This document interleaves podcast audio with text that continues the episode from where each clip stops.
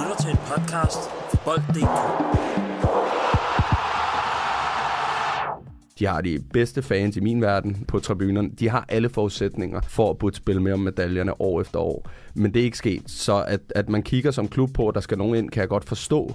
Men jeg forstår samtidig også godt fansene skeptisk over for det her. At man så alligevel, når man sådan har alle de gode intentioner, de rigtige intentioner for begge parter, og gerne vil lave en aftale, at man så ender med at blive skubbet endnu længere væk fra hinanden. Det, det kan jeg simpelthen ikke, altså et eller andet sted kan jeg ikke lade at grine lidt af det. Professionel fodbold handler også om bare at håbe på det bedste. Hvis du sætter Martin Jørgensen helt op foran, så Brian og Michael ind, uh, ind midt for helt op foran, og Ebbe Sand helt op foran. Og Kasper Dahlgaard. Helt op foran med ham også. Dobro jutro, dobro jutro. En værdiaftale mellem fanafdelingen og majoritetsejerne i Brøndby. Den er altså afbrudt. Fanafdelingen det siger, at det er GFH og klubben, der ikke har overholdt tingene, mens klubben har offentliggjort nøglepunkterne og også stillet op i en podcast, hvor de blandt andet fortæller, at en bindende aftale ikke er mulig. Hvad der er op og ned i den her sag, det skal vi altså tale mere om i dagens udsendelse. Og så skal vi også en tur til Parken, hvor Danmarks største kamp den blev spillet med et lidt uventet resultat. FCK de leder nemlig et øh, nederlag og et slag i titelkampen. Men øh, vi kan jo ikke rigtig blive kloge på Brøndby, så det skal vi altså også prøve at, at blive her senere i udsendelsen. Velkommen til lige på med mig, Sandro Spasojevic, og mine to medværter, Lasse Foskov og Spilman. Velkommen til. Mange tak. Jo, tak. Spilman, I er et skridt tættere på Superligaen nu? Ja. Hvornår kan man sige tillykke? Øh, forhåbentlig på fredag, når vi slår øh, Vejle hjemme på Sandkassen. Kan, kan det blive, Nej, det kan det nok ikke. hvis I vinder og øh. Sønderjyske Ja, så, så vi ved at være der. Så skal, så skal meget gå galt i hvert fald. spændende, tror du, de rykker op? Ja, det gør det. Hvor vildt vil det egentlig være, hvis en flok, øh, du er ejendomsmaler til dagligt, ejendomsmaler, politimænd øh, og hvad I nu er, Tømmer, nedriver og Præcis. bankmand. rykker op i Superligaen? Det, det, vil, det vil være historisk. Det vil være, hold kæft, hvor vil det være fedt. Et er, og, hvor svært det er at rykke op på den første division, men, men at gøre det med de forudsætninger, vi har, uden at skal, skal, skal tale os ned og, og det ene og det andet. Med, med vi kommer altså ræsen ind klokken 3 og træner klokken 4 og først hjemme halv syv, syv ikke? Øh, og så er det arbejde dagen efter. Øh, og vi har også lige krav på to ugenlige fridage og alle de her ting her, og vi må også kun træne halvanden time, fordi man ikke må træne for længe, og der er alle mulige sjove regler. Er det en regel? Ja, ja, for helvede, mand. Hvis man ikke er fuldtid, så må man kun træne en halvanden time. Ja, men jeg kan ikke huske, hvordan det er, men det er er sådan noget med i forhold til, hvornår vi møder, regel så skal vi da ikke dengang, jeg være... spillet. Nej, men vi skal være slut inden et eller andet, Okay. og, så det er sådan noget, altså da jeg kom til, der, var det, der må man også lige kalde det frivillige træninger, hvis vi skulle træne ekstra, og Det er sådan noget NFL-regler. ja, men det er fuldstændig, øh, det er fuldstændig magisk. Vildt, hvis I rykker op. Ja, det er jo det næsten øh, siden øh, Helsingør. Da de rykker op, der rykker de op lidt op på samme måde, føler jeg, dengang med, man ikke rigtig forventede det helt store. Men øh, 26-50 for the win. For the win. Let's get it.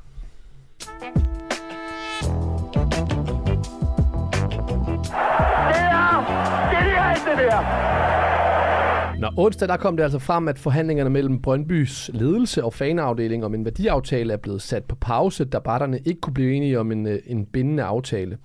Brøndby de offentliggjorde et dokument, hvor det fremgik, hvad parterne på det seneste har forhandlet. Og i det dokument, der fremgår det en vision om, at Brøndby de skal være mere end bare en fodboldklub. Og så er der nogle punkter, fem punkter med fem intentioner. Brøndbys øh, unikke identitet skal bevares. Ledelsen i Brøndby har Brøndby IF i fokus, og som topprioritet, Brøndby IF skal drives med gennemsigtighed og åbenhed. Fællesskabet i Brøndby skal være trygt, sikkert og inkluderende, både på og uden for banen. Og Brøndby IF's langsigtede udvikling er sikret. Og så nederst så fremgår det, at aftalen ikke skal være juridisk bindende for de involverede parter. Og det har så efter sigende fået Brøndbys fanafdeling til at trække sig fra, fra de her forhandlinger. Bare lige først for at høre, Lasse. Hvor skidt står det til i Brøndby?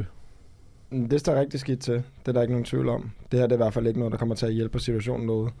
Nu hjælper det selvfølgelig spillemæssigt, man vandt over FCK, men jeg forstår jo bare ikke, hvordan man kan nå så langt hen i processen, før at man finder ud af, at den altafgørende præmis for, at der overhovedet kan blive noget, at den ikke er på plads.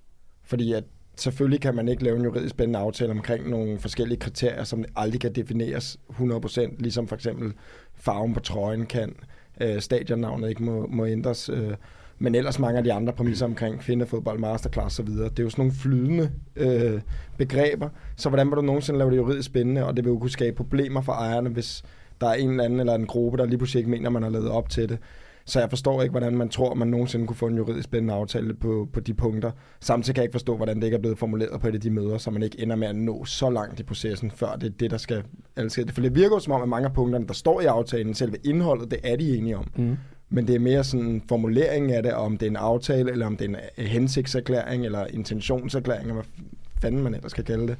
Jeg synes bare, det virker helt godnat. Og det, ja, hvis man kigger tilbage på de øh, udtalelser fra Jan Bæk, øh, hvis vi bare sådan kigger rent fakta, så starter det jo med, at han siger, at vi er tæt på at få en aftale. Han regner med, at den kommer på plads i ugen om. Og så efterfølgende, så ender de så med at gå for forhandlingerne. Så et eller andet må jo tyde på, at det simpelthen har været to parter, der har haft to helt forskellige syn på, hvad det var for en slags aftale, der skulle være. Skulle det være en juridisk spændende aftale, eller skulle det ikke være? Og det synes jeg bare er tragikomisk, at det, at det kan ske så langt hen i processen. Det virker ekstremt uprofessionelt, og ja, jeg ved ikke lige, hvem der har været mailer i den, men uh, der er Men kan han forsvares nu her? Fordi vi, øh, han blev gjort til klovn, da han lagde hovedet på blokken, og vi snakkede i sidste uge om, hvilket hoved skal på næste gang osv. Hvis han rent faktisk har tænkt, og det som du selv siger, hvis, hvis det har været vist, at, øh, at den ikke kan være bindende, og det har været fremme, og han simpelthen bare har troet, at det her kan da ikke misforstås. Jamen, det kan jo godt være, at det har været noget, hvor de tænkte, selvfølgelig kan vi ikke lave en juridisk spændende aftale med det her, og så har det aldrig været nævnt, eller i hvert fald ikke blevet nævnt tydeligt nok. Jeg synes jo også, at det, der er lidt sjovt i det hele, eller ikke sjovt, det er faktisk lidt sørgeligt, men det her med, at øh, man kan sige, når Brømpe går ud og udtaler sig nu, når ejergruppen går ud og udtaler sig nu, så virker det jo som om, at de har de rigtige intentioner. De går jo også selv ud og siger, at det her, det er jo nærmest uhørt på internationalt niveau, at en klub, en ejergruppe, altså en virksomhed, går ud og laver en aftale med fansene, eller en erklæring, om hvordan klubben skal drives i fremtiden. Fordi i sidste ende, hvis vi kigger helt nok på det, så er det jo nogen, der går ind og køber klubben. De ejer den. Det er dem, der ejer den. Jeg ved godt, fansene kan føle, de ejer klubben, men det er dem, der køber klubben, der ejer den. Sådan er det sort på hvidt. Men at man så alligevel, når man sådan har alle de gode intentioner, de rigtige intentioner for begge parter, og gerne vil lave en aftale, at man så ender med at blive skubbet endnu længere væk fra hinanden. Det, det kan jeg simpelthen ikke, altså det er et eller andet sted, kan jeg ikke lade at grine lidt af det. Men det Lasse siger her, altså det de køber, det de ejer, det er vel også fansene. Ja. Fordi fansene er dem, der skaber klubben. Lige præcis. Der er tre ben. Der er fansene, der er ejerne, og der er spillerne. Øhm, og, og ingen af dem kan uden hinanden. Øh, der, er ikke den, der er ikke den vilde forretning i, i den klub, hvis det er, du fjerner, øh, fjerner dem, der står og hæpper hver uge, eller hæppede. Øhm, så, men, men ja, det, altså, jeg, jeg, jeg synes, det er fuldstændig vanvittigt. For mig virker det som om, at øh, dem, der sidder på den ene side, har nok lidt misforstået. For man kan sige, hvis man er enig, Og hvem er det? Jamen, det er jo fansene. Ja. Øhm, hvis, hvis man er enig, så ligger der jo ikke noget til grund for, at vi ikke kan lave den her juridisk bindende, men de ting, de er enige om, kan man jo ikke skrive under på, for som for os også siger, det er jo, det er jo meget flydende, det er jo meget, øh, hvordan, hvordan kigger du på det her sort-hvidt. Øhm, de bliver jo nødt til at udspecificere det endnu mere klart. Hvad er det her for nogle punkter? Hvad er det? Skal der gå nogle penge til den her? Skal der gøres dit og dat? Skal der være noget til amatørafdelingen? Men du kan jo ikke, du kan jo ikke skrive under på de punkter, der har været oppe, øh, som Brøndby har fremlagt. Øh, og da jeg læste den, blev jeg også øh, mildest talt rystet over, at, at det der, det, det giver sig selv, at det er det, fansene vil have, og selvfølgelig kommer ejerne til at imødekomme det, men, men du kan aldrig lave en kontrakt på det. Du kan give en anden ordet, men, men, men hvis de vil have en kontrakt, så, så, så skal det udpensles på en helt anden måde. Men lad os bare lige tage den, fordi i en podcast med, med Brøndby Lyd og, og Nana, der udtaler Scott Craze fra GFH, at de ikke kan underskrive cirka de her 30 af punkterne, fordi de ikke er målbare. Og så giver han så det her eksempel, altså, som, som du også kom med, at øh, man kan måske, eller for eksempel underskrive, øh, hvis det er det ændringer et navn, øh, fordi der kan man gå ind og måle på, altså der kan alle se, om navnet er blevet ændret eller ej. Det der er ved det, det er, at øh, han siger, at derfor kan aftalen ikke underskrives, fordi det handler om principper, det handler om måden, og, altså, at det drives på. Og så kommer han senere med et eksempel på, at, at man kan jo stå i en situation, hvor øh, 35 mener det ene ting, mener det er gået godt, og så er der 137, der, der mener noget andet. Altså, så det er meget fluffy, det her. Øhm, men Lasse, kan det... Altså, kommer det bag på... Fordi jeg, jeg sidder også og tænker på, har fanafdelingen, har de lavet et selvmål? Jeg ved ikke, om de har lavet et selvmål, men jeg synes, de har sat barn lidt for højt for, hvad man kunne opnå. Og så er man måske her så sent i processen også lidt bange for at vise ans- eller tabe ansigt. Det kan også godt være, at de hele tiden har været deres mål, og de har troet, at de kunne få det her på skrift, altså en, en underskrift, hvor de ville binde sig til det. Men det synes jeg bare er lidt, hvad kan man sige, det er meget, meget optimistisk i en verden, der er ret kold og kynisk, som fodboldverdenen nogle gange er. Og når der er folk, der går udefra ind og smider penge i noget, altså så er der ikke nogen tvivl om, de gerne selv vil kontrollere, hvordan det skal gå. Som Spilman så korrekt siger, fansen er jo en stor del af klubben, så derfor skal man så vidt som muligt få det til at kunne hænge sammen, fordi ellers så hænger det ikke sammen. Mm. Men Brøndby Boldklub, eller Brøndby øh, IF har jo ikke hængt sammen i lang tid, hvis vi kigger på økonomien. Det har jo i lang tid sejlet.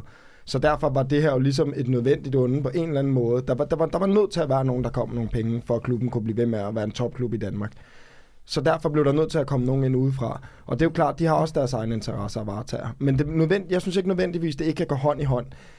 Der er jo ikke nogen tvivl om, hvis de gik ud og lavede en erklæring, og det kan godt være, at den ikke er juridisk spændende, men at klubben eller GFH så ikke lever op til den aftale, så vil det skabe ramaskrig. Ikke bare blandt de fans i orange og alle dem, som er utilfredse med, med ledelsen nu, det vil det gøre blandt alle Brøndby-fans på grund af, at det så vil ændre Brøndbys værdier. Men det er jo igen det der med, skal man vise tillid, inden at de rigtig har gjort noget forkert endnu, eller skal man have det hele på papir inden, så det aldrig når dertil? Altså, der er jo ingen af os, der ved, hvad der kommer til at ske i fremtiden. Men jeg tror godt, at, eller ledelsen er opmærksom på, at hvis de ikke har fansene med, og de ikke har deres opbakning, så kommer Brøndby IF til at blive en lortinvestering for dem. Fordi... Men så må bare lad mig lige udfordre dig på den der, fordi du siger det her, hvis de skal være en, magt, eller en magtfaktor igen i dansk fodbold, så er det her opkøb, eller det var nødvendigt for, at de kom tilbage. Er det korrekt? Ja, eller i hvert fald bare nogen. Altså, det er jo, I Danmark er vi jo ikke sådan et land, hvor vi bare har 100 forskellige milliardærer, der bare elsker mm. at gå ind og købe en fodboldklub, så derfor så er det jo typisk øh, udlandske. Og jeg forstår, jeg forstår faktisk rigtig godt den del med fansene, der er utilfredse omkring den del i fodbold. Men det er ikke et problem for Brøndby IF, det er et problem i fodbold generelt. Og sådan er det bare nu til dags. Men kan du så ikke forstå den skepsis, der er? Fordi som fan af en fodboldklub, der er det jo ikke nødvendigvis titler og sejre, er grunden til, at man er fan af en klub. Altså det var ikke nødvendigvis derfor, at en eller anden øh, ude i Brøndby blev fan af Brøndby i sin tid. Så det der med, at du siger, at de skal være en magtfaktor igen i dansk fodbold, det kommer på bekostning af noget andet. Kan du godt se den fan, der er fan af Brøndby Boldklub, eller nu kalder jeg det også Boldklub, fordi du sagde det, men IF, øh, på grund af kærligheden til klubben, på grund af hele den identitet og kultur, der er omkring, på grund af det fællesskab, der er, og så fuck de titler, eller sejre, hvis de kommer på bekostning af hele den identitet, som Brøndby i sin tid blev skabt på. Jo, men altså du kan også se det sådan her. Hvor mange anden divisionsklubber ser vi nu lige i Danmark, som der har øh, 5.000 tilskuere? Ikke mange. Stort set ikke nogen. Altså måske ude fra Marmar kunne de engang øh, hive sådan nogle tal op, men, men det ser vi næsten aldrig. Det er jo fordi, at det der med at få mange tilskuere, det hænger sammen med, at man spiller i den bedste række, så mm. alle børnene, der vokser op, har lyst til at være ligesom Brøndby-spillerne, og har lyst til at spille i Brøndby. Så det der med, at man siger, at man vil blive ved med at støtte klubben, uanset om de løber i første, anden eller tredje division for den sags skyld, det tror jeg på, at man måske vil kunne holde et år eller to. Og så vil det stille og roligt det ud, og så vil Brøndby aldrig nogensinde blive det samme igen. Altså, det tror jeg ikke. Det, det tror jeg. Jeg tror simpelthen ikke på det. Du skal også tænke på, Sandro, lige nu er der kæmpe splittelse blandt fansene. Fordi der er en anden del, som der gerne vil øh, se Brøndby, uanset hvad, om det er den ene eller den anden division. Mm. Men der er altså også jeg vil gætte på, uden at skulle komme med helt præcis procenter, en meget, meget stor andel af dem, der kommer på Brøndby Stadion, der kommer derud for at se noget af det bedste fodbold i Danmark på et fedt stadion. Mm-hmm. Og det tror jeg bare ikke kommer til at være det Men samme. Det, det er vel, altså, nu har du spillet Brøndby, Spilmand. Den nye generation, de unge nu her, som bliver fan af Manchester City, og som ikke engang kan huske sidst, Manchester United vandt noget, og selvom United i, ja, hvis man kigger langt tilbage med Ferguson, nu tager jeg bare lige den parallel. Øh, det er de unge i Brøndby, de vil måske blive øh, tillokket til at skulle følge med et hold på grund af titlerne. Men de gamle fans, de er vel ligeglade, om et hold ryger ned i divisionen. Der er kærligheden. Kærligheden bliver måske stærkere faktisk, hvis et hold ryger nedad.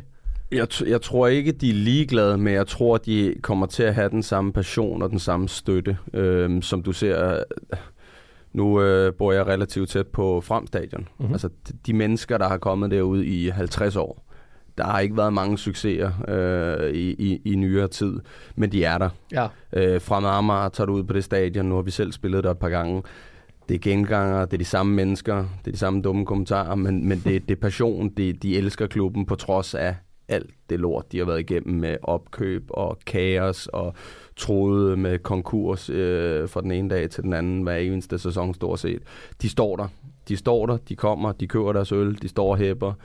De buer, når der skal bues. De går hjem. De står der ugen efter igen. Øhm, så det tror jeg på. Det er de rigtige fans. Det er de rigtige fans. Og så ser jeg også en tendens, det ser jeg også i vores egen klub. De her unge drenge, de helt unge, friske, nyudklækket, der bare har brug for det her sammenhold. Mm. Og som, altså, nu havde vi selv en hel bus med øh, til, til Sønderjysk i går, og, og det var de, de gamle, der altid har været der, og så er det de helt unge drenge, og de er, de er fælles om det her projekt. Selvfølgelig er der medgang i Hvidovre nu, men de stod der også, da jeg kom til, da man lå i den lidt kedelige ende af tabellen. Der stod de samme mennesker der. Øhm, så, så jeg tror 100% på, at, at der vil være en stor del, der følger med. Der vil også være nogen, der, der prioriterer lidt anderledes. Så kan det godt være, fordi vi har en vigtig arbejdsdag i morgen, at man måske ikke tager på stadion på samme måde. Men, men jeg tror, der er mange mm. af, af gengangerne, der vil følge med hele vejen. Så, så I tror, hvis man går ud på Brøndby Stadion og spørger, og der skal øh, laves en hurtig uh, sms-rundspørg, hvor folk kan svare ja eller nej, om Brøndby skal være det nye frem. Altså, den vil ikke blive stemt igennem. Det nægter at tro. Der er måske nogen, der er så har Lasse, kun, jo, men det er ikke, det er ikke, det er ikke sort-hvidt, men hvis det kommer på bekostning af, at det, som de synes, det kommer på bekostning af, at de bliver en del af noget Men det- større. det- men, men så lad mig tage den her. Da de bliver opkøbt af GFH, så bliver de en del af andre klubber. De bliver del af en forretning. Førhen, der var Brøndby jo, altså når, når Jan Bæk eller Casey Jesper førhen smed penge i, der var det også penge, der blev smidt i, i klubben her. Men der var Brøndby hovedmålet. Jeg kan godt forstå de fans, der tænker, nu er vi bare en del af en forretning, der skal gå op. Men det kan jeg også Og derfor ja, det, vil de have en, ja. en aftale, der måske Men- er mere bindende, selvom den ikke kan lade sig gøre. Men, men den, den, del er vi, den, den, den del er vi enige om. Og jeg, altså, jeg tror ikke, der er mange, øh, slet ikke i Danmark, som ikke synes, det er mega ærgerligt at se den tendens, der er i fodbold. Men vi må også bare sige, at i alt det her, der er der også et økonomisk regnestykke, som der har kæmpe indflydelse. Og altså, hvis der ikke er en ejergruppe som dem, altså Jan Bæk kan ikke blive ved med at, at, at kaste penge ind i det. Han har jo også betydet ekstremt meget for Brøndby, og var med til at redde dem, kan man sige, på et tidspunkt, hvor det så rigtig sort ud. Øh, den ro skal han dog have altså, hvis, hvis økonomien ikke er rundt, så er der ikke noget, der hedder Brøndby Stadion, så er der ikke den her Brøndby Masterclass og alt det her, så bliver Brøndby bare, det bliver bare frem. Altså, det bliver bare frem. Men, Og jeg ved godt, at så kan vi snakke om alt det om, at det hele var rosenrødt, og hvordan verden kunne se ud i et optimalt uh, scenarie. Men jeg føler jo heller ikke, at det behøver at blive sat op uh, som det helt uh, onde, forfærdelige GFH og de uh, helt rabiate fans, fordi at der er jo også en eller anden virkelighed midt imellem. Mm. Og jeg tror, at hvis de fik lavet den her erklæring, uden at den var juridisk bindende, men man gik ud sammen og ligesom satte hver sit logo på for fanafdelingen for klubben, og lavede en erklæring, hvor man ligesom sagde alle de her ting, men at det så ikke var juridisk bindende, så ville jeg stadig føle, at man har gjort et eller andet historisk, som man ligesom også stadig kunne holde dem op på. Og hvis det så efter alt det, at de ender med at bryde dem, så kan jeg godt forstå, at hele stadion udvandrer osv. så. Men jeg føler bare, at barn blev sat alt for højt for, at det var realistisk at nå mål. Og jeg synes, det har været fantastisk. Det havde jo også stadig været historisk bare at få lavet sådan en aftale der. Det ser man jo ikke. Så jeg synes, at synes også, jeg har det lidt blandet i forhold til det der med, hvordan, hvor stor indflydelse fans skal have på en klub, som er en børsnoteret virksomhed, hvordan den drives også. Fordi det kan godt være, at der er Men- nogle fans, der synes, det der med anden division og så videre, det vil være fint, men det tror jeg altså også, der er en rigtig stor andel, der ikke gør. Men Spilman, fordi det, det er lige præcis det, Lasse siger nu her. Altså fodboldklubben Brøndby, den handler om kultur og identitet, og det her, vi, vi talte om lige før, med meget mere end bare fodbold. Øhm, så hvis man fjerner, eller i hvert fald ikke går på kompromis med nogle af de her ønsker, som fansene har, og det, kan, det, det har de jo så gjort, men altså nu, nu, nu taler jeg bare om, hvis de ikke går på kompromis, øhm, og de her fans er jo med til at skabe den her kulisse, som mangler ude på Brøndby Stadion nu og du, tal, du talte også om lige før, at fansene er også klubben. Jamen kan man så ikke argumentere for måske i sidste ende, at de måske har købt den forkerte klub? Hvis de vælger ikke at, du ved, øh, hvis de, hvis de negligerer fansenes impact på klubben, fordi så kunne de så godt have købt jamen, en eller anden anden divisionsklub, eller en anden Superliga-klub. Altså, no offense, men en eller anden, øh, der ikke har den samme fanskar. Jo. Langt spørgsmål. Håber, du forstår. Jo, jo, jo. Jeg, øhm, jeg synes, det virker mere og mere sådan. Jeg kan, jo, jeg kan jo godt sætte mig ind i fansene, fordi at vi har set det her i så mange mindre klubber, med at der kommer nogle ejere ind og kommer med en masse penge og bliver hentet dyre spillere ind, dyre lønninger, og så trækker man stikket, og så går det galt. Eller at man simpelthen tager klubben ud for de værdier, og, og, og det, man har stået for, det, man har fulgt hele livet, det er det, man kender, det, det er Brøndby. Man har altid øh, kigget lidt skævt til FCK, det var en købeklub, og Brøndby var den her arbejderklub. Øh, og jeg forstår også godt Fosses argument om alle de her ting, der er blevet bygget op, men de har, de har altså nu har jeg været derude et par gange, øh, træningskampe og de her ting, de har alle faciliteter, de har alt. Men, men hvis jeg fjerner Brøndby-hjertet og sidder helt neutralt og kigger på det her, så bliver jeg også nødt til at sige, jeg kan jo ikke se, at de her ting har gjort noget godt for Brøndby. Jeg føler jo, at Brøndby fortsat hænger i den der, jamen altså, nu gør de det, synes jeg, rigtig, rigtig godt, overraskende godt i dag, øh, i forhold til, hvad jeg havde forventet, men, men hvad sker der næste uge, og hvad skete der i sidste uge? Mm. Og de har alle de her ting, de har masterclass, de har det vildeste setup, de har alle faciliteter, de har de bedste fans i min verden øh, på tribunerne, de har alle forudsætninger for at burde spille med om medaljerne år efter år, men det er ikke sket, så at, at man kigger som klub på, at der skal nogen ind, kan jeg godt forstå, men jeg forstår samtidig også godt fansene skeptisk over for det her. Øhm, og i sidste ende, som, som vi også talte om tidligere, der, lige nu er der ikke nogen vinder. Og, øh, og jeg kan ikke se, at de kan blive enige om de her ting. Altså, jeg synes, jeg synes det er... Jeg synes, det, det, det, det, det, det, det er gået hen og blevet lidt en form for børnehave. Der sidder nogen her og kalder den aftalen på plads, og på den anden side, så øh, vil folk gerne øh, have opnået noget, der ikke kan lade sig gøre. Øhm, lige nu tror jeg, at vi ender ud i en situation, hvor det, nu bliver det bare princip, altså, og, og vi fortsætter den her kurve her, og så bliver de væk og så skader det, og så lige pludselig, så skal den her klub altså afhændes igen, for de her, øh, fordi de, de magter det ikke, og de finder ud af, at det er en dårlig forretning. Jeg håber ikke, vi kommer derud. Men hvor meget, men... hvor meget tror du, spillet på banen kan... Fordi nu, nu gør de det så godt i dag, eller øh, om søndagen her, mod FCK og vinder. Hvis de begynder at vinde, og det går godt, hvor meget vil det have en indvirkning på, på det, der sker på, på tribunerne? Øhm, jeg tror, der vil komme nogle procenter, men den, den, den, den kerne, øh, og størstedelen af dem, de, øh, de forbliver lojale over for det, de tror på. Øh, så jeg tror ikke, de kommer til at findes på tribunen, før at, at de i hvert fald føler, at de har fået en aftale, de kan bruge til noget. Mm. Og så kan det godt være, at de kommer til at give sig øh, mere, end de havde håbet på, fordi i sidste ende, så må målet jo være at nå til enighed. Men, øh, men der, der, der skal findes en eller anden gulderod, hvor at begge parter føler, at de har vundet. Lidt ligesom... Øh, når jeg vil have ungerne til at rydde op derhjemme, så kan det godt være, at det er en sondlolly, der bliver lukket med, og i sidste ende vinder vi begge to. Øhm, det, det, det, det er lidt den, jeg ser, øh, de bliver nødt til at finde. Jeg ved ikke, hvordan de skal finde den, men de er nødt til at finde den. Og så kan det være, at en eller anden lille part bliver juridisk, mm. så, så har man fået noget på skrift, og så er man måske tilfreds med det, fordi det var det vigtigste parameter for, for fansene. Men ellers så ser jeg, så ser jeg det gå, gå rigtig, rigtig skidt. Den sondelig skal du lige stoppe med. Det er delayed gratification, vi skal ud Tandlægen vinder også. Ja, præcis. Ej, men prøv lige, Lasse. Jan Bæk, han siger jo i, i den her podcast med Nana, at, øh, at det var en fantastisk aftale, der var altså, sat ud på, at de skulle skrive under på, eller ikke, altså den, de taler om. Og det er vigtigere med de moralske forpligtelser, der er, øh, frem for det her legally. De taler jo på engelsk i den. Som han siger er vigtigt. Har han ret? Det ved jeg ikke, om man har. Altså, det er jo, selvfølgelig vil jo en aftale jo være bedre for fansene, fordi så ved de, at der er nogle af tingene, de skal leve op til, fordi de er juridisk forpligtet. Men man kan så ikke ikke, op? Når man, jo, men det vil jeg sige, man kunne. Altså, fordi der er jo nogle af tingene, de ting, han siger jo selv, der er nogle ting, der ikke kan måles, men der er jo også nogle ting, der kan måles. Men så får skrevet dem under en juridisk øh, erklæring, kan man sige, hvor man ligesom får det bindende. Og så lader det andet være, som det nogle gange er, hvor at klubben går ud og siger, at det her det er vores fulde intention. Så jeg, jeg føler også godt, at man kan finde et eller andet kompromis, der er lidt midt imellem. Så altså, i sidste ende, vi er jo alle sammen øh, pisse ærgerlige over, at den her situation er opstået, fordi der er ikke nogen vinder i det her.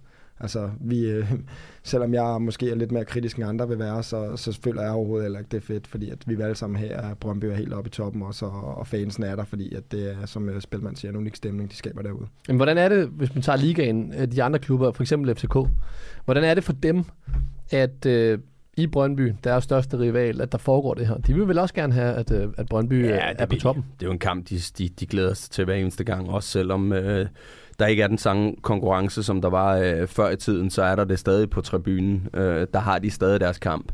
Det er stadig etteren og toeren, der kæmper hver eneste år. Hvem er bedst? Øh, hvem synger højst? Hvem kan grine hvem? Øh, så det er klart, jeg synes, det er, det er fedt, at øh, man får få fyldt parken ud alligevel, øh, og, og, og der kommer så mange mennesker, som der, som der gør i dag, men, men det er klart, øh, kører du en hurtig øh, rundspørg, så, øh, så vil jeg tro, at øh, langt størstedelen af FCK-fansene, de savner, de savner nogen, de kan råbe af, de savner mm. nogle romerlys og noget, øh, noget ballade. Jamen, det var også på noget andet, at, at, at fansene, i, altså Brøndby's fans ikke var der. Men når jeg også ser på det her problem, Lasse, så kan jeg ikke lade være at tænke på, om der er også en stor spredning blandt Brøndby's fans. Altså ikke bare fordi alle Brøndby fans siger én ting. Øhm, fordi så kunne det nemlig være lettere, når nogen de vil hellere have, at klubben ikke går på kompromis med deres værdier, øhm, netop som vi talte om lige før, om de så rykker ned eller ej, og mens andre de ser det, som du sagde, at det er det muligheden for at jagte titler, så er problemet reelt set ikke også, at, øh, og heller ikke unaturligt, at vi står i den her position, fordi at Brøndby's fans i sig selv også er splittet. Ja, jo. Altså, jeg er ikke i tvivl om, at hvis alle Brøndby's fans var samlet om det her, så ville det være rimelig nemt bare at blive væk fra stadion, og så ville GFO nok på en eller anden måde være lidt hurtigere til at få i hvert fald fundet en eller anden aftale frem, som, som var lidt tættere på det fans, som vil have. Men igen, det er jo det her med de her ting, der ikke er målbare også. Og jeg, jeg, øh, altså, igen for at vende tilbage det med resultaterne, om, om, om folk vil blive ved med at støtte op. Altså, nu er det ikke, fordi jeg sidder og skal kunne vurdere, om det er dem i orange trøje eller dem uden, som der udvandrer, men altså, vi har siddet og set billeder de sidste par uger af folk, der udvandrer fra stadion inden kampen, der var færdig, så altså, der er åbenbart nogen, der ikke har lyst til at blive der på trods af resultaterne, som det nu engang er, så jeg, jeg, jeg har svært ved lige at få sådan en klar øh, opfattelse. Nu følger jeg meget med på Twitter og alle de andre sociale medier, hvad der, hvad der ligesom sker. Men, men jeg har svært ved lige at sætte procenter på, hvor stor en andel, som der øh, er fint tilfredse med GFH, er der lige nu. Jeg tror, det er svært at se. Og, og, Altså. Jamen, det er det, og, og, hvor, og hvor, hvor meget de ligesom giver dem noget tillid. Øh, og så kan den blive brudt på et tidspunkt, man giver dem tilliden til at starte med. Og hvor stor en andel, som der er, som der simpelthen bare ikke har lyst til at komme, før den her aftale er på plads. Og det er det, der, jeg synes, der mudrer billedet lidt. Så, øh, men det kan være, at vi kommer til at se det her den nærmeste fremtid, når, når Brøndby de har hjemmebanekamp næste gang. Lad spille man lige her til sidst. Hvad så, altså fra nu af, hvad med fremtiden? Fordi øh, en kærlighed til en fodboldklub, den kan vel ikke forsvinde? Nej, det, det tror jeg ikke på at nægte, øh, og det er, jo, det er jo det, man øh, bryster sig med ude i Brøndby. Det er jo, øh, det er jo Brøndby, til man dør. Øhm, så, så det tror jeg bestemt ikke. Øh, at den hardcore kerne og dem, der vokser op med det, det er jo generationer. Det er jo... Øh, det er jo oldefaren, der har fulgt med, og så er det hele vejen ned. Så, så det er jo Brøndby. Det er jo, altså, når du kommer i de her Brøndby hjem, øh, den sags skyld også FCK, men når du kommer i de her Brøndby hjem, så er det jo, så er det jo hele vejen ned. Mm. Øhm, og, og, og det tror jeg på ingen måde kan forsvinde. Og det er også derfor, det bliver så stærkt et emne, og det er derfor, der er så mange følelser involveret. Øhm, men men det, er, det, det er så svært, det er så svært det her at gå ind, fordi at de har jo, de har jo den rette intention. Jeg synes jo godt, en, en, en fankultur som Brøndby kan gå ind og stille krav. Og øh, så vil der sikkert være nogle ting, der er urimelige, men det er jo en forhandling, der bliver, der bliver lagt lidt mere på, for at kunne blive taget lidt af. Mm. Øhm, men, men jeg får svar på de spørgsmål. Nej, jeg, øh, jeg tror ikke på, at kærligheden forsvinder. Tværtimod. Jeg er simpelthen stor forbruger af bold.dk og fodboldnyheder hver eneste dag, og sidder og sluger alt det der råt, råt, råt, sluger alt bold.dk, råt, stor forbruger af bold.dk, bold.dk, råt. Nu skal vi have pulsen helt ned, boys. Vi skal igennem en quiz. Yeah. Så inden vi skal videre til at snakke om et andet emne, så skal vi lige finde ud af, om den står 5-5, eller om den står Jeg tror, den står 5-3. 6-4. Den står 5-4 lige nu.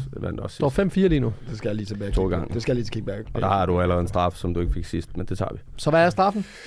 Øh, det, er en lille, det er en lille hygger for at blive lidt klogere på, på Fosseren. Det er øh, det, det grimmeste oplevelse i fodbold. Det kan være et nederlag, det kan være noget, han selv har gjort. Det kan jo være en kombi. Men, øh, men, men, men, men noget grimt, du er blevet udsat for, eller selv har måske, hvor du er gået hjem og tænkt, ah, det var måske lige på grænsen, eller det kan også være, at man har fået en ordentlig snitter, øh, hvor, man, hvor man har gemt sig væk i et par dage. Øh, en lille god historie om det. Og hvad er den omvendte straf? Jamen, øh, Spelman er jo selv en hård hund, eller han prøver i hvert fald at ligne det, så jeg tænker, at han også, øh, jeg ved i hvert fald, at han spiller sammen med Nikolaj Poulsen og nogle andre bullerbasser, så jeg tænker, at vi lige skal have Spelman til at fortælle lidt om, hvem den største tonser, eller det største svin, han har spillet sammen med, og måske en lille forklaring om, hvorfor. Cool, så den kan I lige tænke over. I hvert fald øh, dagens spørgsmål, eller quizzen er altid produceret i samarbejde med producer Mathias. Så, spørgsmål altid en til hver. Golden goal. Så er det hurtigst på aftrækkeren. Spørgsmål hver, det drejer sig om derbyet i dag. Så første spørgsmål det går til dig, spiller. Udover Oi, hvilken udlænding har senest scoret i derby? Er det Oi, er det Rooney, eller er det Sigurd Rostad? Skal jeg lige forstå, du siger, ud over OI, er det OI? Altså, Jamen, jeg kunne da godt have troet sidste gang. Okay, så, så, så det er ikke en anden, det kan godt være Igen, den samme. igen skal okay. vi have børnebander på, så Jamen, vi forstår jamen, det. det er jo også, det er jo, det er jo helt vanvittigt niveau, det her. det er fair nok, at du spørger, fordi han har misforstået den alt for mange Ja, gange. Jo. Jeg havde OI, og jeg havde, hvem havde jeg mere? Jeg havde, Rosted. ah, det er uh, Rooney. Er det Rooney? Ja. Kan du huske målet, eller? Ja, ja, det kan jeg godt. Han kommer ind og laver lækkert. Okay. Ja, jeg tror, det er den der, hvor han... Øh, det er rigtigt. Ja, Det er den der, hvor han ja, ja, tager den med hovedet over. Han vinder en hovedstødsduel eller et eller andet. Øh. Ja, korrekt. 1-0. Stærk. Jamen, jeg er helt overrasket over, at jeg skal sige et point til dig. Også, at jeg øh, kan huske det. det er Ja, vanvittigt. det er vanvittigt. Nå. Spørgsmål til dig, for sådan, øh, hvilken spiller scorede sidste år flest derbymål? Rasmus Falk, Pep Biel eller Rooney? Det var lidt, lidt tricky, jeg synes jeg. Men okay. Jeg siger Pep Biel. Hvorfor siger du Pep Biel? Det ved jeg ikke, han scorede mange mål. Han scorede seks mål. Det er vel fordi de andre to slet ikke scorer. Ej, Rooney har selvfølgelig scoret, men øh, ja, han har lige faret på Rooney, så det, han må... det er Pep Biel, der har scoret, og øh, producer Mathias har ikke skrevet, hvor mange, det så det kan jeg ikke oplyse det folket, men det er altid dejligt lige at oplyse, hvor mange mål, der er blevet Ja, bare scoret. det rigtige, Mathias. Så Det er vanvittigt. En hver. Det er måske børnebanden, der har hjulpet, men øh, nu skal vi have, ligesom i sidste uge, der er en spiller, der taler. I skal gætte, hvem det er. Og det er først Svarer på forkert? Ja. Hvad for noget? Først på bosseren. Præcis, men svarer du forkert, så går den øh, modsat. Så øh, bring it. Who is it? I den modgang, vi har været i, og øh, med jeg ved ikke, 35, hvor mange kan der være herinde, øh, så øh, vi går ind og vinde, og det, det giver det handler om at vinde flere fodboldkampe i træk. Altså, vi, øh, jeg, jeg, jeg vil ikke stå her og være jubeloptimist. Kevin Mensa. Korrekt. Det er så vildt, jeg er ved at sige det. Men det er fint, spændende, du er med. Jeg tog et Spiller. stille og roligt dag. Jeg sagde Korrekt. Ikke, jeg råbte ikke zoomer. Var det ikke den samme, du Du rammer bare to. Jeg Stærkt. tror, jeg tror, det var den samme stemme, du skætte på sidste uge, så hvis man kender Mensa stemme, så har man vundet to quizzer i træk. Det er fedt. Jeg bare videre. Så hvad er det, øh, Fossen han skal til sidst? Vi skal, vi skal høre en lille god historie om øh, en eller to af de grimmeste øjeblikke i Fossers karriere. Resultat, eller øh, noget, han selv har gjort på banen, eller noget af den dur. Det glæder vi os til. Let's get it. Det bliver jo aldrig til vores fordel. Vi er det mest scorende hold i Danmark, og så skal vi spille på det her lort. Jeg synes bare, det er pinligt. Vi har sagt, vi har sagt det så mange gange. Der er ubesejret, tror jeg næsten, på det her lort her. Men, øh, men det er pinligt, at øh, det skal være en fordel for alle andre at spille på vores hjemmebane. Det var måske ikke en fordel at spille på jeres hjemmebane, så altså, måske er det bare den type fodbold, I er gode til det sandkassen. Ja, med vendsyssel, der var 9 meter alle sammen. Kæmpe Undskyldning er der, den er nok af. Nå, lad os vende blikket mod, øh, mod Darby, hvor mesterskabsfavoritterne fra FCK, de led jo et meget overraskende nederlag til, øh, til Brøndby på hjemmebane, og det var vel at mærke et Brøndby-hold uden fans, og et Brøndby-hold, der har været, øh, ja, i forrige uge, der fik jo tæsk af Randers med 4-0 på hjemmebane. Og som de også talte om tidligere, så har de også øh, den her modstand uden for banen. FCK, de havde øh, 70% boldbesiddelse i parken. Og Klaasen han udtalte efterfølgende til et, øh, et uh, interview, at han synes, FCK var det bedste hold. Synes du det også? Øh, jeg ser det med, tror jeg, med to sider af den sag, fordi jeg synes jo, øhm, FCK er det bedst spillende hold, øhm, og sidder jo som sagt også på, på det meste af spillet. Øhm, jeg synes, de har svært ved at bryde Brøndby ned, på trods af øh, rigtig, rigtig mange fine kombinationer og nogle øh, individuelle kvaliteter. Men jeg synes, Brøndby er det klogeste hold. Øh, de, øh, de var farlige mange gange på deres omstilling. De var utrolig uskarpe. Øhm, men de havde masser af muligheder. Så jeg synes, taktisk øh, var det faktisk dejligt at se et Brøndby-hold, hvor jeg egentlig kunne...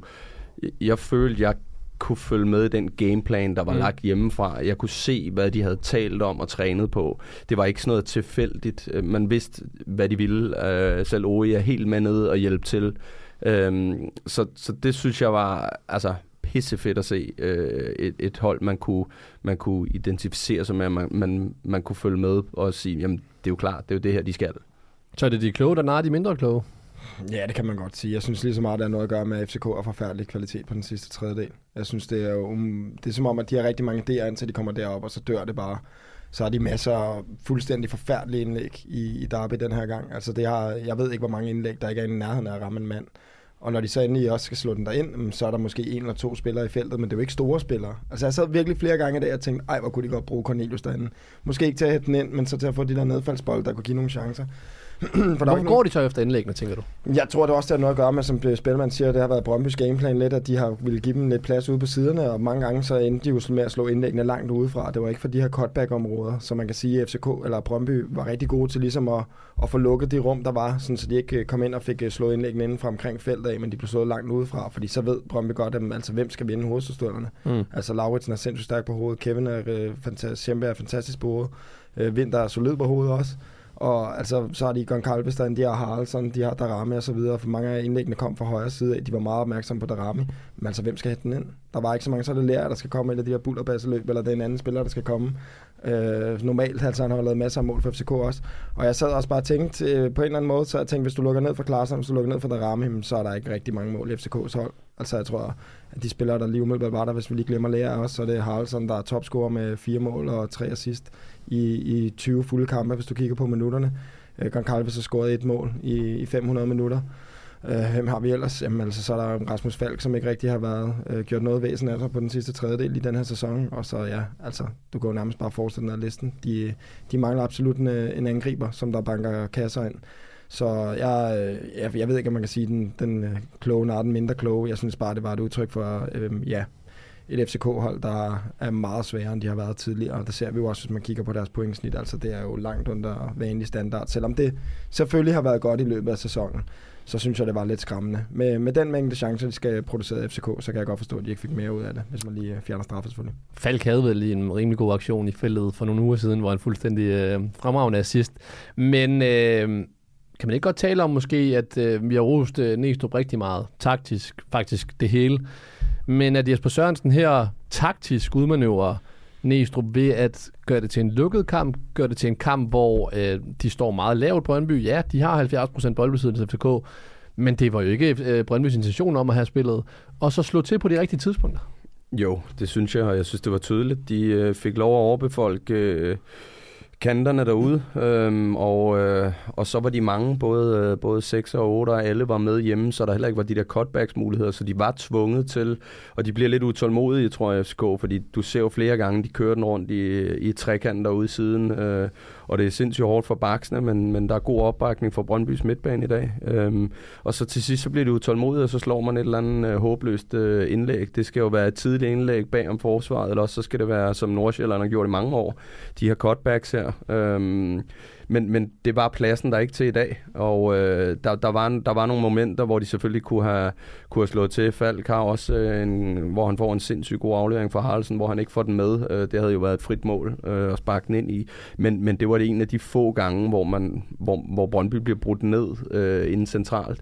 Så, så jo, jeg synes, jeg synes det, var, det, var, det var taktisk godt set, at det var sådan, den skulle spilles på, i stedet for at tænke, at vi skal ud og brillere i parken.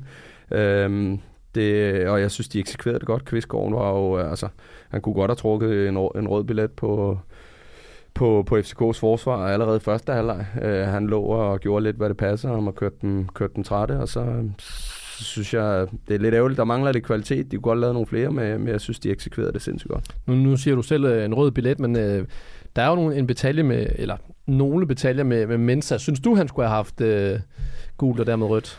Nej, det synes jeg ikke. Det synes jeg ikke. Og øh, et, ja, det er derby, og så siger du, skal der være forskel? Øh, det synes jeg ikke.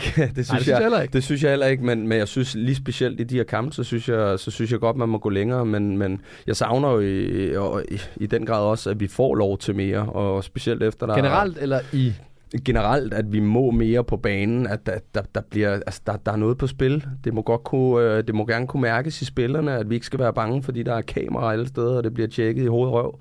At vi får lov at gå til den, og der er nogle følelser på spil. Det her betyder noget. Det er historisk øh, kamp, hver gang de to hold mødes. Øh, så jeg synes, det, det er dejligt, at man ikke øh, fuldstændig springer op og, og ødelægger kampen på den mm. måde. Der har du en bullerbasse, der snakker. Bullerbasse. Men Spilman nævner det her med, øh, at derbyet, det her med, at man, man, skal, man en linje, en derby-linje, altså der er en mm. anden linje end, end et derby. Men hvorfor er der det? Altså hvorfor er det, der skal være, hvor, fordi det omtaler de også øh, nogle af spillerne, at det er et derby. Så derfor skal der være en lidt hårdere linje. Hvorfor skal der det? Der skal bare være den ja, samme linje, ja, som der, der altid der er. burde være den samme linje altid, men... For det er vel det, problemet er med dommerne? Ja, altså generelt er det problemet, øh, at, at det er svært at vide som spiller lige præcis, hvor grænsen den går. Altså man finder rimelig hurtigt ud af det for det meste inden for de første 10 minutter, når der kommer nogle af de her små dueller, hvor man finder ud af, om dommeren han dømmer dem eller ej. Og det er også derfor, jeg ikke synes, der skal være rødt kort til mindst i forhold til mange af de frispark, som der ikke blev givet øh, korrekt. Og jeg synes jo, at det er med til at skabe det der flow i kampen, der gør det underholdende, for der er ikke nogen, der gider at se på en kamp, hvor der er 30 minutters effektiv spilletid, fordi alt bliver fløjtet i stykker. Så jeg er faktisk med bullerbassen her, at jeg synes, at de skal få lov til at gå lidt til stålet. Og når det så selvfølgelig er hensynsløst mod modstanderen, når man stopper lovende angreb og så videre, hvor det er virkelig sådan, hvor man tænker, det der, det, der var kun én intention, så synes jeg, det er fair. Men sådan en situation, hvor man lige kommer et øh, millisekund for sent, fordi man lige fejlvurderer og der ikke er nogen, der kommer til skade, lad dem få lov til det. Altså, lad, lad, lad, lad spillerne afgøre det derinde, og lad, lad være med at fløjte kampen i stykker og skulle, skulle øh, ja, præge resultatet med, med unødvendige røde kort og alt muligt, hvor man lige skal ind og sætte sig selv i scenen. Men hvad, hvor, hvor står I i den her øh, enmands her, Darami? Man kan, man, man kan tale om tomands her. Grabara om bagved, Darami op foran. Når de to er væk til sommer, Darami ryger tilbage, Grabara bliver solgt, så har FCK i mine øjne et stort, stort problem, fordi at offensivt kan de ikke skabe ret meget, uden at det er Darami, der er involveret i det. Får de sig et problem?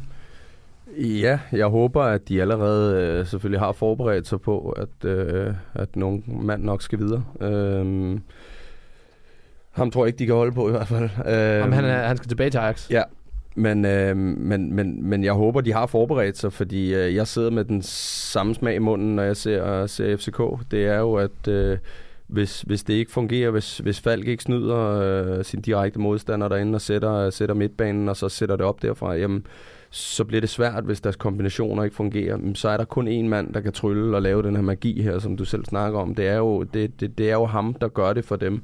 Og det er jo lidt atypisk, for man plejer at have flere på det hold, øhm, der, der kan hive en kanin op af hatten. Men, men det er ham. Øhm, så, så jeg tror, de skal ud med den helt store pengepunkt og finde noget, der kan, kan gøre det samme. Øh, For mig, der har jeg det lidt sådan... Jeg tror, en Cornelius, der kommer tilbage og på sit højeste niveau, han vil være vigtigere for FCK, end der rammer jeg lige nu.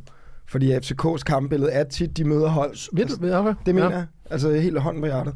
Fordi at jeg føler, at øh, Cornelius han vil kunne gøre ondt på alle modstandere i alle kampe. Han har en styrke, der er nærmest øh, umatchet i Superligaen. Han øh, kan for det meste også, når han får turen i hvert fald, lave nogle mål og så videre. Og han burde være på en hylde, som der er top, top Superliga-niveau. Ikke at der rammer ikke er det.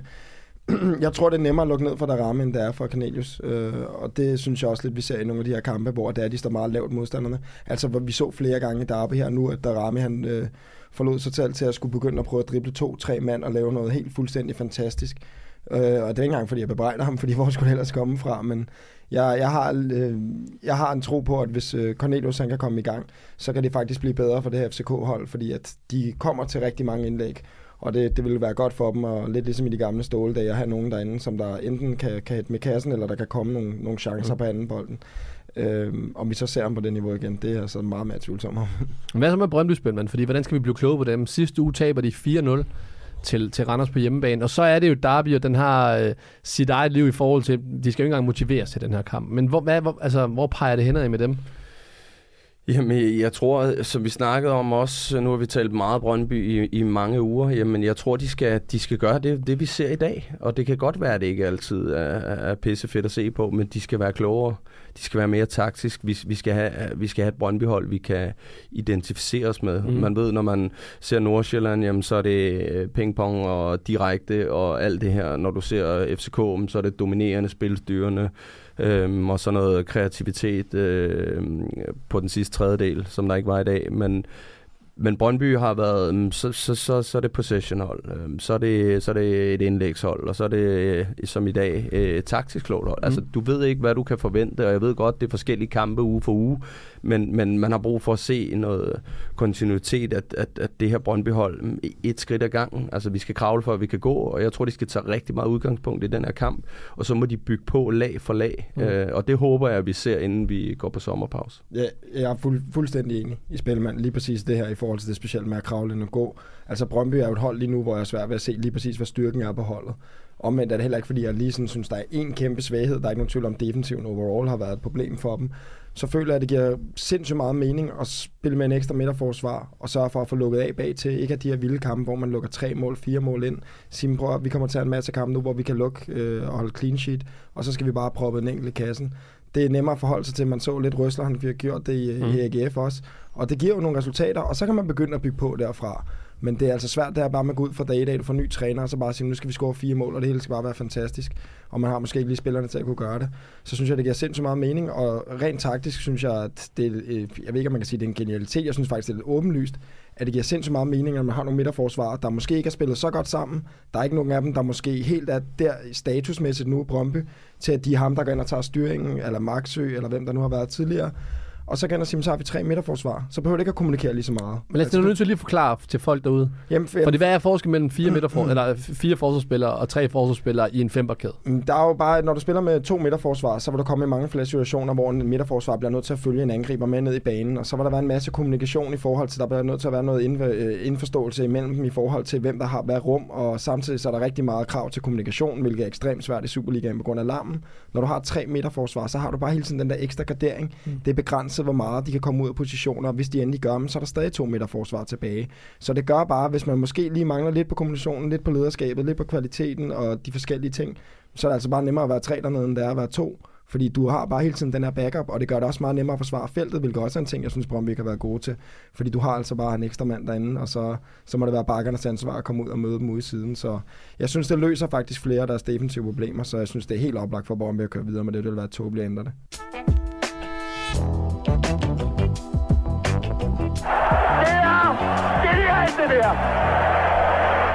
Nu er vi nået til overtiden, og det betyder, at øh, vi skal have, hvad var det, spilmand, at, øh, at straffen var, hvis man kan kalde det en straf. En lille historie fra, fra Fossers øh, lange karriere.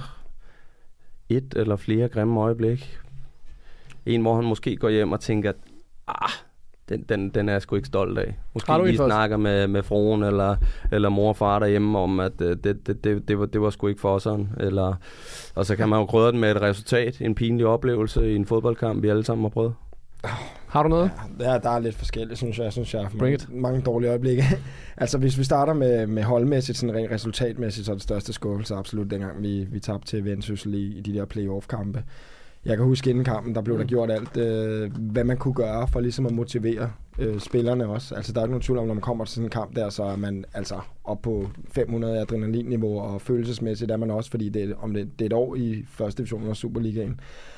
Og de havde fået, bag, uden nogen spillere vidste, havde de fået lavet en video, hvor alle øh, spillernes familier og kærester stod og sagde, at øh, de havde fået lavet privatoptagelser hjemmefra. Så der var sådan en hel compilation, da vi kom ind om morgenen, og folk sad med tårer i øjnene og så videre. Gjorde det det?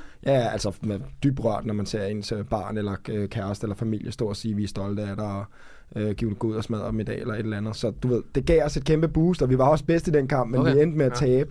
Jeg kan huske, at det var, altså jeg følte hele mit liv blev taget væk. Ikke fordi jeg ikke godt kunne klare det over i første division, jeg havde spillet masser der, men tror bare, der følte jeg virkelig, at jeg svigtet af alle de folk, der var sådan øh, rundt omkring, som der holdt med Lyngby, både fans og familie og alle andre.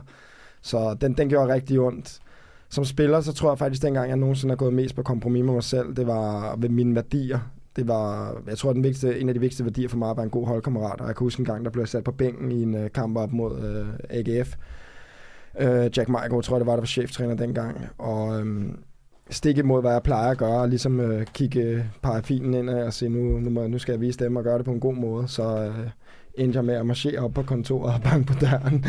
Fuldstændig i følelsernes vold, og så åbne døren. Jeg er nærmest øh, som en eller anden øh, film, hvor der er en, der er smurt ind i coke eller et eller andet. Men øh, jeg ender i hvert fald med at banke døren ind og sige, at øh, han er fuldstændig blæst oven hovedet. Han over bænken, hvad fanden er det? Altså til træning? Ja, det, altså det, det er efter dagen før kamp træning, ikke? så ved man godt, hvad klokken er slået. Vi skal til at sætte os i bussen for at køre over på hotel. Og han ender så med at sige, altså han tager det fantastisk. Han siger, sæt dig lige ned, træk vejret og begynder at sidde og forklare og siger til mig, prøv at, du har spillet i to år nu, du har ikke siddet på bænken en eneste kamp. Det er første gang. Nogle gange så er det også meget godt, at man lige tager et skridt tilbage og så videre. Og han siger alt det rigtige. Og jeg rejser mig bare op og siger til ham, vi har ikke mere at snakke om. Og på en eller anden syg måde, fordi han er så stort et menneske, så får han faktisk taget fat i mig igen, inden vi får, får taget steder og får sagt til mig, at han synes, at jeg lige skal tænke over tingene i to timer, og så kan vi snakke igen, når vi kommer over på hotellet. Og jeg ender så faktisk med at score et afgørende mål til 3-2 over, da jeg kommer ind. Det er sådan lidt en øh, sjov historie. Men jeg kan huske, når jeg var rigtig skuffet over mig selv, fordi at øh, når jeg faktisk kiggede på det udefra, så er det fuldstændig ret. Altså, der er ikke nogen, der forstår til at sidde på bænken, og jeg havde ikke præsteret i kampen inden.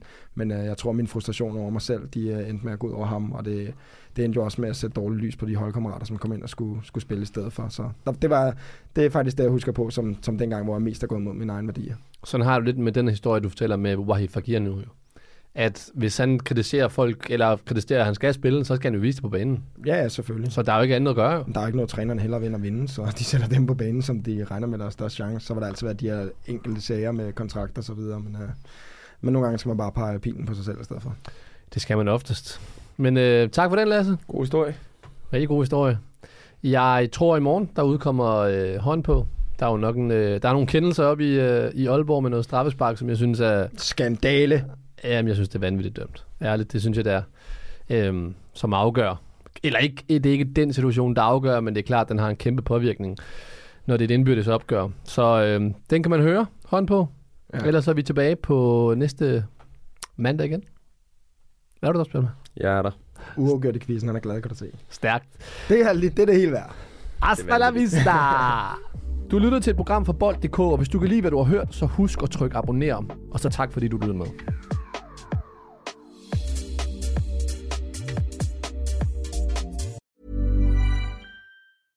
One 800flowers.com is more than your birthday, anniversary, or just because gift giving destination. We put our hearts into everything we do to help you celebrate all life's special occasions with friends and family. From our farmers and bakers, florists and makers, everything from 1 800 Flowers is made with love every step of the way because we know that nothing is more important than delivering a smile. To learn more, visit 1 800flowers.com slash ACAST. That's 1 800flowers.com slash ACAST.